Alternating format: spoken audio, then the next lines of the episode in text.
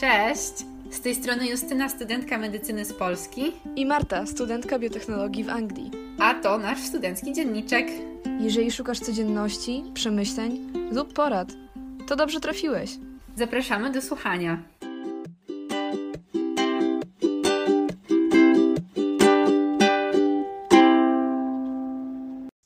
Jeśli słuchasz nas na YouTubie, to zachęcamy do subskrypcji i zostawienia kciuka w górę. A jeśli słuchasz nas na Spotify, zapraszamy na YouTuba i zostawienia nam kciuczka.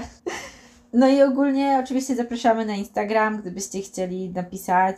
Można pisać na Instagram, można pisać bardziej anonimowo na maila. Jakbyście chcieli posłuchać o czymś na przykład w Anglii, coś by Was bardziej zainteresowało, albo mielibyście jakiś temat, który chcielibyście, abyśmy poruszyły, no to gorąco zachęcam. A teraz zapraszam do słuchania odcinka.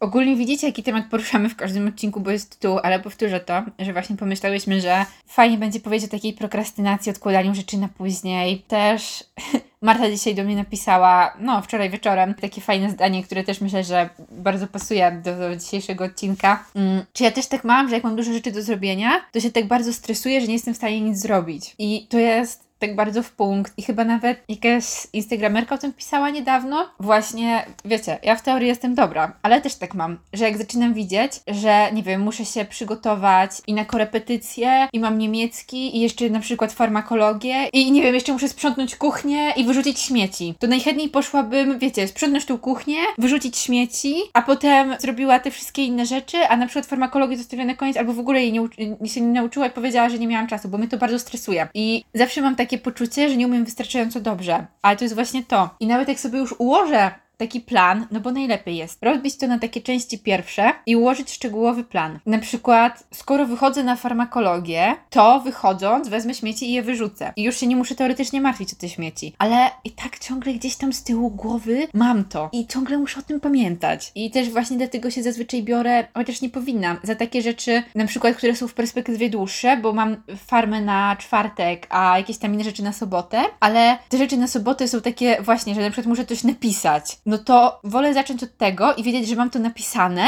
i potem się dopiero uczyć, niż ciągle mieć z tyłu głowy, że muszę jeszcze coś napisać. Myślę, że w ogóle, jeżeli chodzi o studia, jest to taka bardzo duża próba Twoich priorytetów, czyli tego, co uważasz za naj, najbardziej ważne, co za mniej ważne, co za najmniej, najmniej ważne z tego wszystkiego, co musisz zrobić. I to będzie się powtarzało tak naprawdę przez wszystkie Twoje lata studiów, zaczynając od pierwszego roku, jeszcze bardziej niż e, w przeszłych latach, kiedy jest się w szkole. Przynajmniej ja tak zauważyłam, bo ja ogólnie jestem typem, który zawsze mm, miał przeciwko to, żeby robić listy. Takim byłam trochę, nie wiem, buntownikiem, jeżeli chodzi o listy. Zawsze mi się wydawało, że ja nie chcę mieć takiego czegoś, że mam listę i jestem do tego przywiązana i nie mogę zrobić tego, jak się czuję w danym dniu. I ja dlatego przez większość swojego życia no, nie funkcjonowałam na listach. I w sumie też cały czas w tej chwili nie funkcjonuję na listach, mhm. ale w pewnym momencie dla mnie przynajmniej jest tak, że ja jestem w stanie przez to, że przez większość swojego życia robiłam to, że funkcjonowałam bez list, robię te priorytety sobie w głowie. I jak tego jest mało, to nie przeszkadza mi to, bo, bo, bo cały czas mam to z tyłu głowy, tak jak mówisz, ale mnie to nie stresuje przez to, że jestem po prostu do tego przyzwyczajona i ja wiem, co, co jest najważniejsze, a co mniej ważne i czy mogę to przesunąć i czy na przykład, jeżeli akurat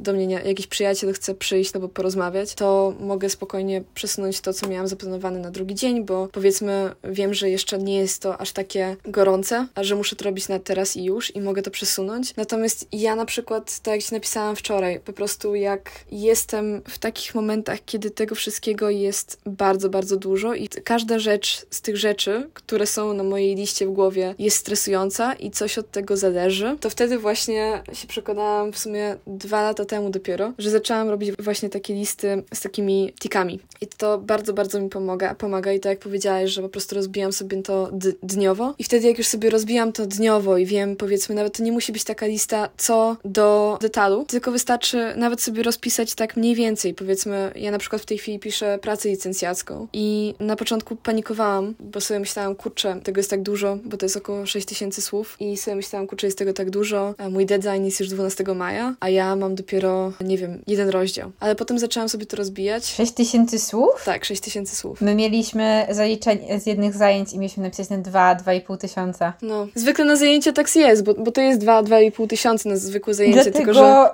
y, się dziwię, że trochę mało w sumie. Wiesz co? Jest niby mało, jak na to spojrzysz, ale potem jak zaczynasz pisać, to jednak jest duża różnica, bo też mi się wydawało, jak na początku roku to było, że kurczę, 6 tysięcy słów to nie jest aż tak dużo i to nie jest aż tak dużo, ale przez to, jak Mhm. nie wiem jak to nawet opisać, przez to, że jest to takie w sumie wymagające od ciebie, żebyś wszystkiego znalazła, a, bo musisz to opi- op- o- opierać, wiesz, na, na em, opiniach innych i jest tego bardzo dużo i musisz jakby swoje własne wnioski z tego wyciągać, co jest w sumie jak się nad tym zastanowisz, to jest takie samo jak długi esej, ale nie do końca. W pewnym momencie na przykład jest tak, że nie wiesz, czy masz e, nie za mało informacji. W drugim momencie myślisz, że nie wiem, może masz tego za dużo. A potem sobie myślisz, kurczę, co teraz? I to jest tak, że już, jak już masz te 2000 słów, 2500, to, to wiesz, to jak już osiągniesz ten punkt, to potem się robi coraz trudniej. Bo cię to trochę zaczyna przerażać, że już napisałam tyle, czy to jest wystarczająco, wiesz o co chodzi? Mhm. Um, I itd. itp. Po prostu w pewnym momencie w tych słowach, jak osiągasz jakiś pułap, to, to zaczyna się to, zaczyna, jest to stresujące dla ciebie.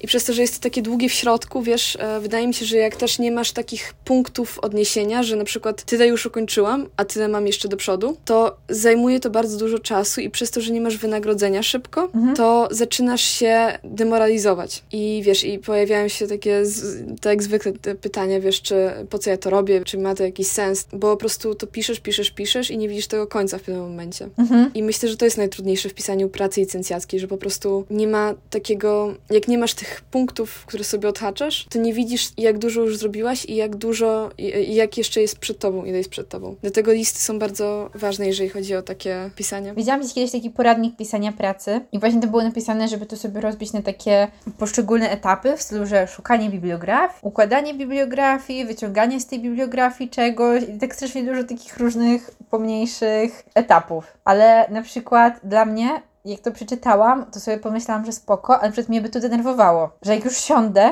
i no nie wiem, może to szukanie bibliografii jest takie, akurat to jest długie, nie wiem, ale że mnie by to de- denerwowało, że wiesz, znalazłam bibliografię i na przykład mam jeszcze trochę czasu, albo w sumie jest spoko, już jestem w tym, ale mówię sobie, nie, dobra, na dzisiaj wystarczy. To ja bym tak nie umiała, chociaż może to jest zdrowe w sumie, żeby tak robić. Ale no jakoś tak, nie wiem. I myślę, że, że tutaj jest, e, że tutaj wchodzi tak naprawdę taki problem tego, kim ty jesteś i jakie ty masz, jak ty funkcjonujesz. Bo na przykład dla mnie ja też miałam tak, że jak słuchałam tego, co ludzie mówią, jak, e, jak pisać taką pracę licencjacką, to też zastanawiałam się, kurczę, dlaczego. I potem zaczynałam, wiesz, grzebać, grzebać i, i znajdowałam bardzo dużo sposobów na to, jak to zrobić. Każdy to robił zupełnie inaczej. I w końcu ja znalazłam swój własny sposób. Ale właśnie o to chodzi, że tak naprawdę No właśnie. jeżeli chodzi o Twoją pracę, szczególnie na studiach, to musisz sobie właśnie zadać pytanie, jak ja funkcjonuję, i potem sobie dopasowywać te Twoje priorytety i Twoje listy do tego, jak Ty funkcjonujesz. Ja na przykład mam tak, że, no tak jak mówiłam, ja jestem dość taka, że nie lubię mieć całego dnia zaplanowanego.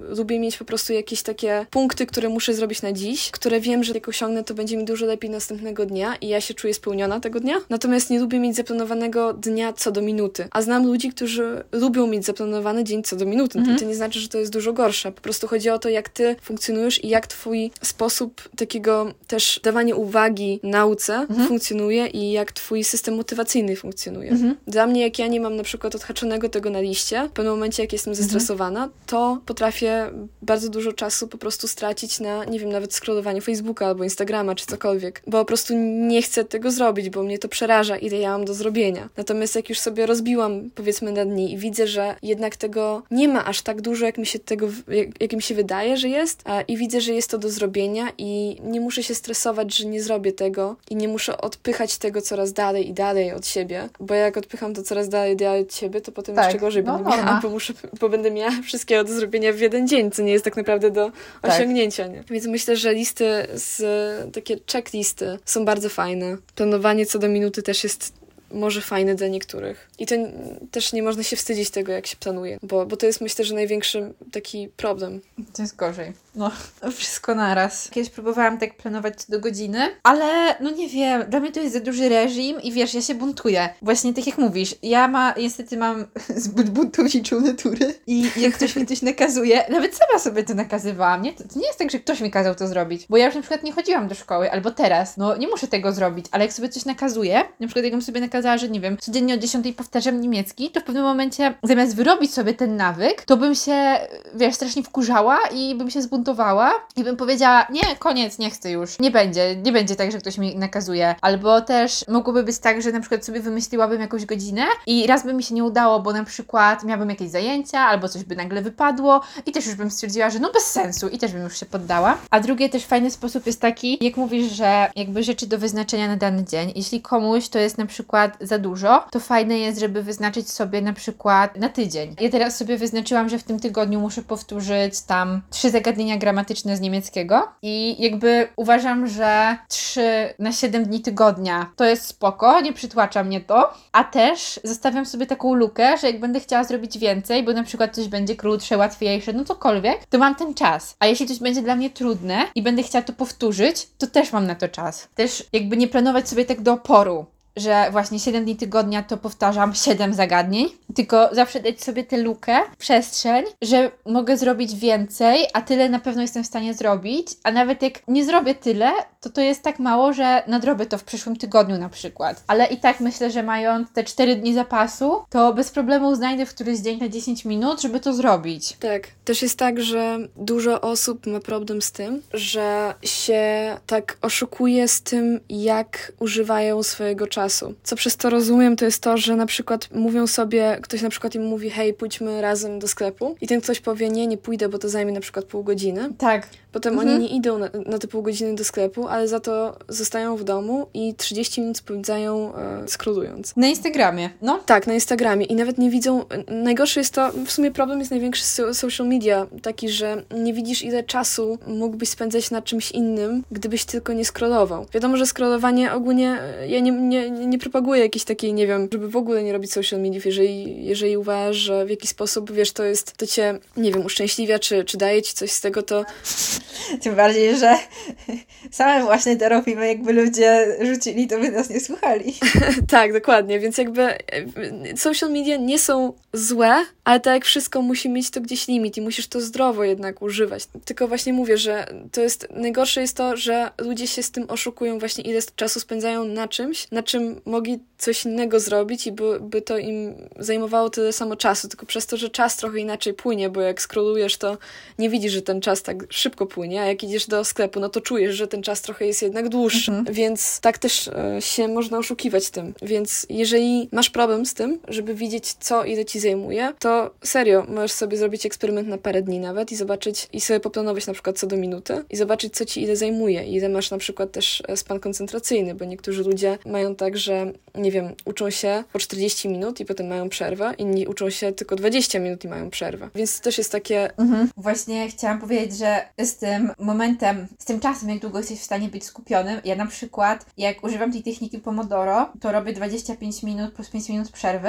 i dla mnie na przykład te 25 minut to już jest tak, no dużo, żeby tak być serio skupionym i właśnie najwygodniej by mi było robić 20, ale to wiecie, trochę za krótko i trochę mi się rozjeżdża. Mhm. A też tak jak na przykład rozmawiałam z moimi dziewczynami, to one mówią, że je by to denerwowało, że muszą robić co 25 minut przerwę, bo że nie zdążysz dokończyć jakiegoś zagadnienia, a tu już przerwę. Ale też trochę dlatego, że ja jak już się zbiorę do tej techniki Pomodoro, to odkładam telefon, włączam sobie na YouTubie, są takie super zrobione już jakby Pomodoro w Hogwarcie i masz podzielone i są tam jakieś pokoje wspólne nad jeziorem. Ja uwielbiam też w szklarni, bo tam są takie właśnie jakby śpiewające ptaszki, wiatr i w ogóle bardzo fajne. I jak to robię, to serio przez te 25 minut uczę się. Nie rozpraszam się na nic innego. I po prostu mój mózg po tych 20, 25 minutach mówi dość, czas na przerwę. A jakbym właśnie próbowała się tak uczyć, że co wiesz, jeden tam akapit sobie zerkam do telefonu, no to wiadomo, że to już te 20 minut to by było krótko.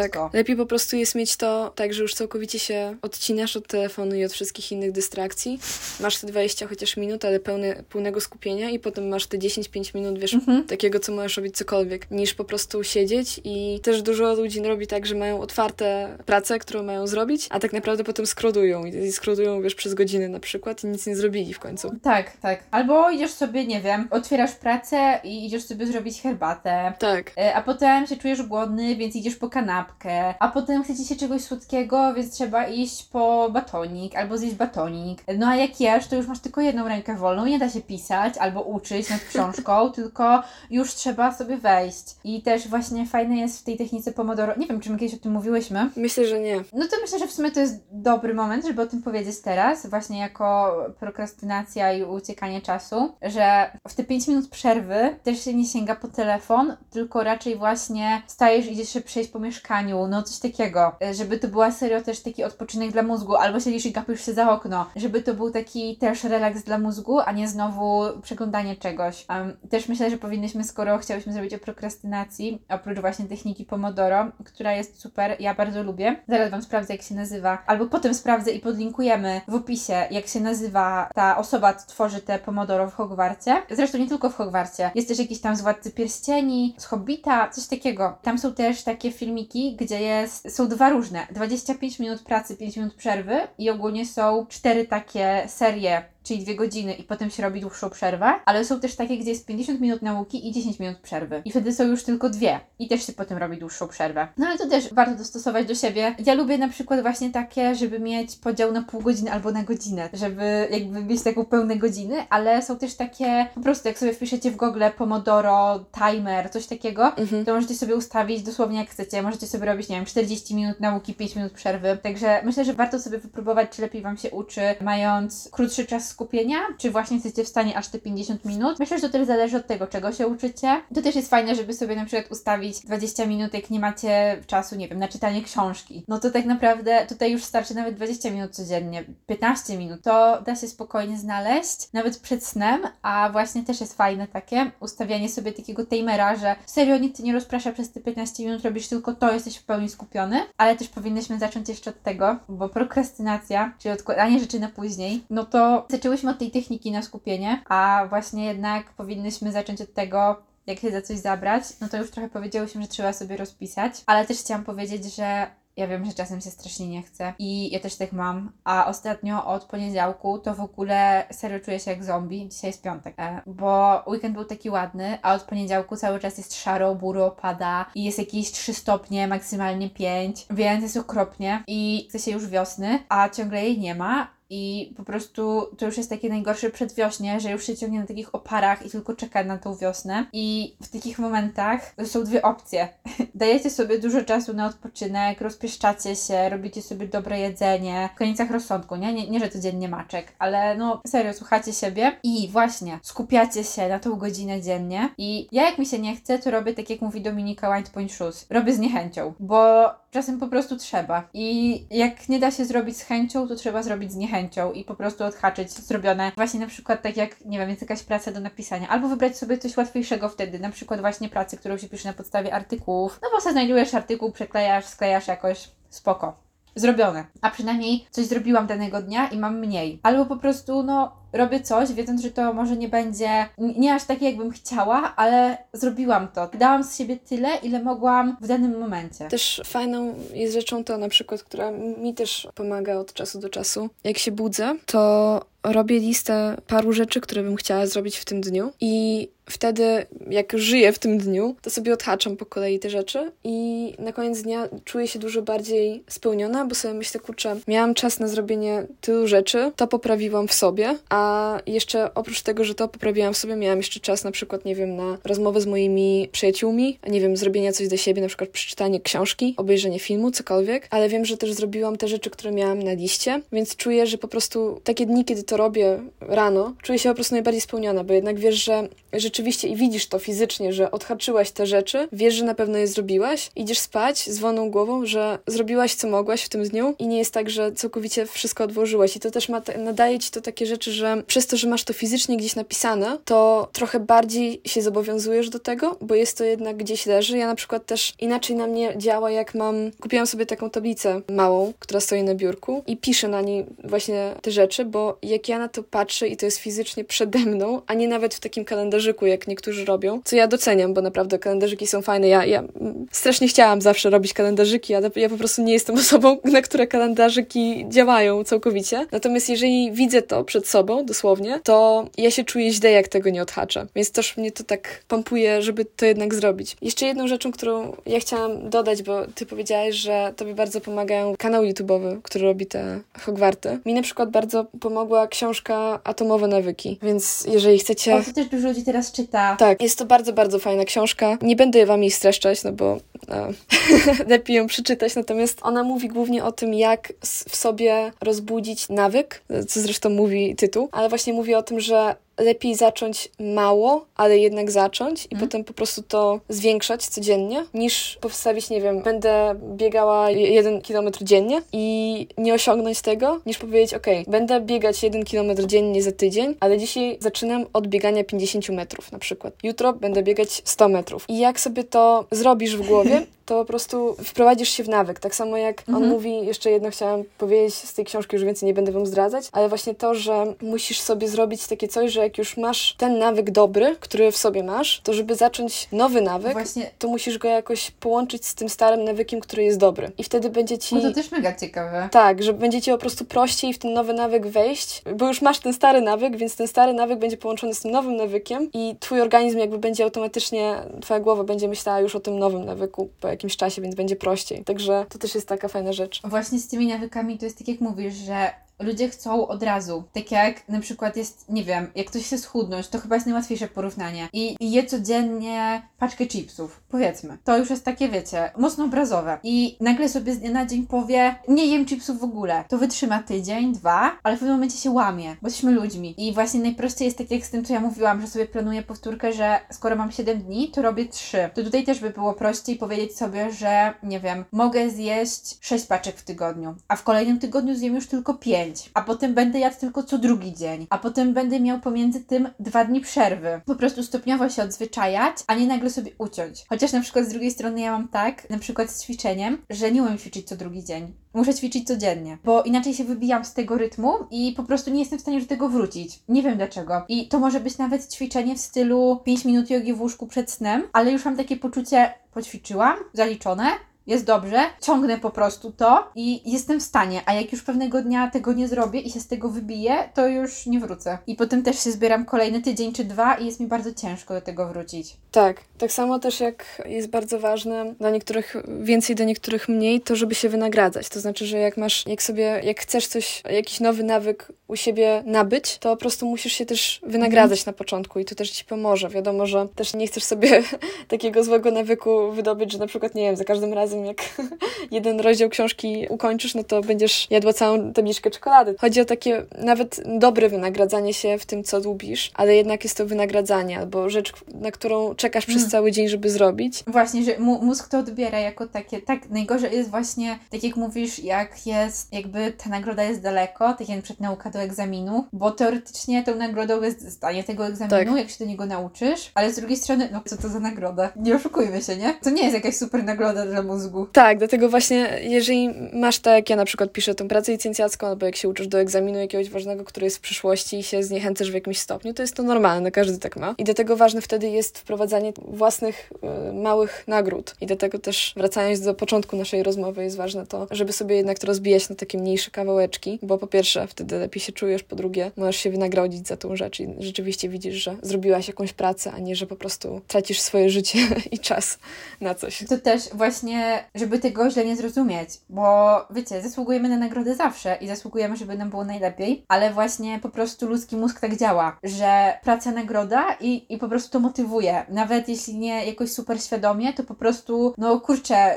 ludzie tak działają, bo to też może trochę tak zabrzmieć i wpędzać w taki pracoholizm, nie? Że dopiero dopiero jak coś zrobię, to mogę sobie coś dać. Ale to właśnie bardziej chodzi o taką y, dobrą, pozytywną motywację, żeby jednak cały czas napędzać ten mózg. No bo tak jest łatwiej działać. Tak, szczególnie na początku procesu, bo jak Mhm. już się wprowadzisz w ten proces, to, to już będzie dużo prostsze i nawet To tak jak z bieganiem, nie? Tak jak mówisz, to też jest taki nawyk, który my lubimy, zacząć sobie biegać albo chodzić na siłkę. No teraz nie, bo są zamknięte. Ale to też jest fajne właśnie, żeby na przykład po całym tygodniu w nagrodę, nie wiem, pójdę sobie do Maczka i wiecie, to jest taki przykład no, ale w pewnym momencie, nie wiem, ja na przykład tak miałam, jak kiedyś biegałam, że w pewnym momencie jakby to bieganie samo w sobie zaczęło być dla mnie nagrodą, że mnie to cieszyło, że nie byłam w stanie przebiec nawet kilometra i dla mnie to było za dużo, a w pewnym momencie byłam w stanie przebiec pięć i czułam, że jestem dalej w stanie biec. Mhm, dokładnie. Także z takiego trochę zmuszania się na początku, właśnie to się przeradza, że zaczynasz się w to wkręcać i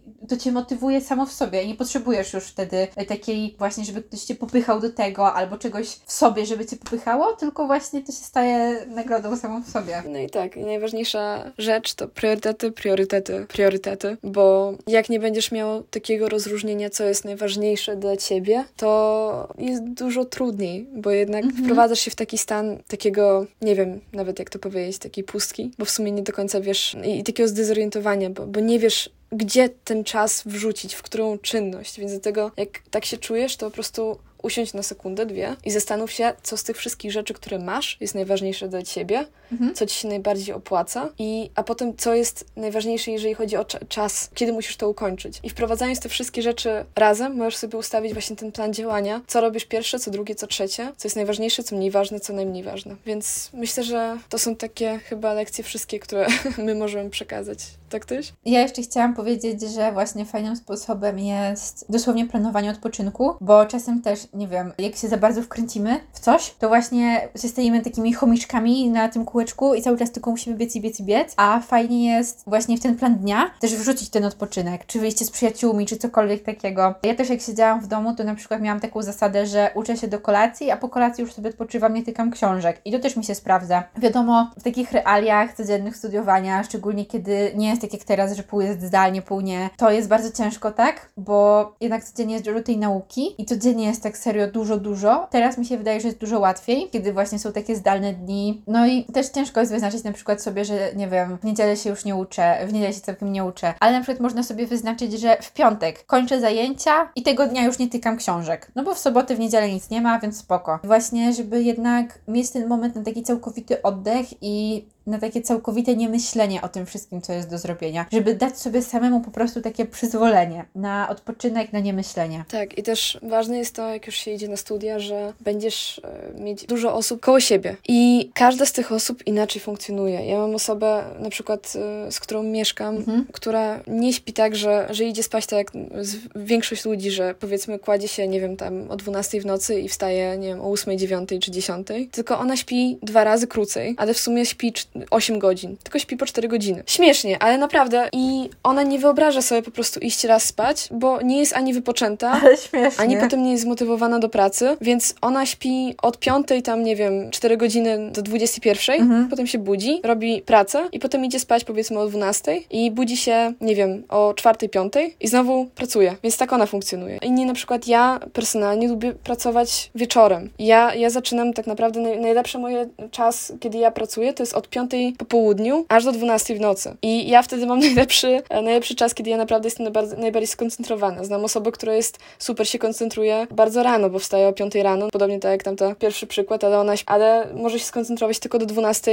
w południe, a potem już nie jest w stanie się koncentrować. Więc Nieźle. Jestem ciekawa, czy to są jakieś predyspozycje serio osobniczo-genetyczne, czy po prostu, wiesz, kwestie nauczenia się takiego funkcjonowania. Nie mam pojęcia, ale najważniejsze w tym wszystkim jest to, że wiesz, e, że musisz słuchać siebie i nie patrzeć się na innych, co jest czasami bardzo, bardzo trudne, ale naprawdę to jest Mhm. najważniejszą rzeczą, którą możesz zrobić, to właśnie nie patrzeć na innych i posłuchać siebie samej, popróbować różne rzeczy, co tobie pasuje i nie wstydzić się tego, że na przykład, nie wiem, lubisz wstawać o 5 rano i pracować sobie rano, albo e, sobie robić to w nocy czy, czy w ciągu dnia. Nie ma to znaczenia, to jesteś ty i najważniejsze jest to, kiedy ty masz właśnie ten czas, kiedy się koncentrujesz i czas, kiedy najlepiej funkcjonujesz. Więc daj sobie czas, naprawdę się nad tym zastanów i nie, nie idź za tłumem, bo to, że tłum robi pracę powiedzmy od 9 do 5, Mhm. nie znaczy, że ty musisz pracować jak na studiach od 9 do 5, co jest czasami trudne, żeby się dostosować, ale zawsze jest jakiś sposób, żeby to zrobić jednak, tylko musisz go znaleźć. No to prawda. I właśnie czasem ciężko się wbić w takie godziny, tak jak mówisz, że od 9 do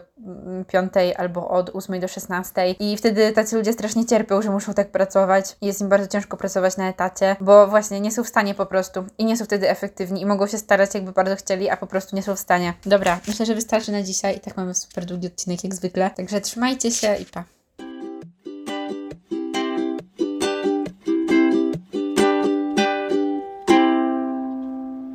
Bez i tak dalej. Przestań mówić i tak dalej. Przestań. Przystań. Priorytez... Priorytez... Sorry, że to się nie ścinam. warto wypróbować, czy warto wam, czy Jeden kilometr, e, kilometr, Boże, że całkowicie.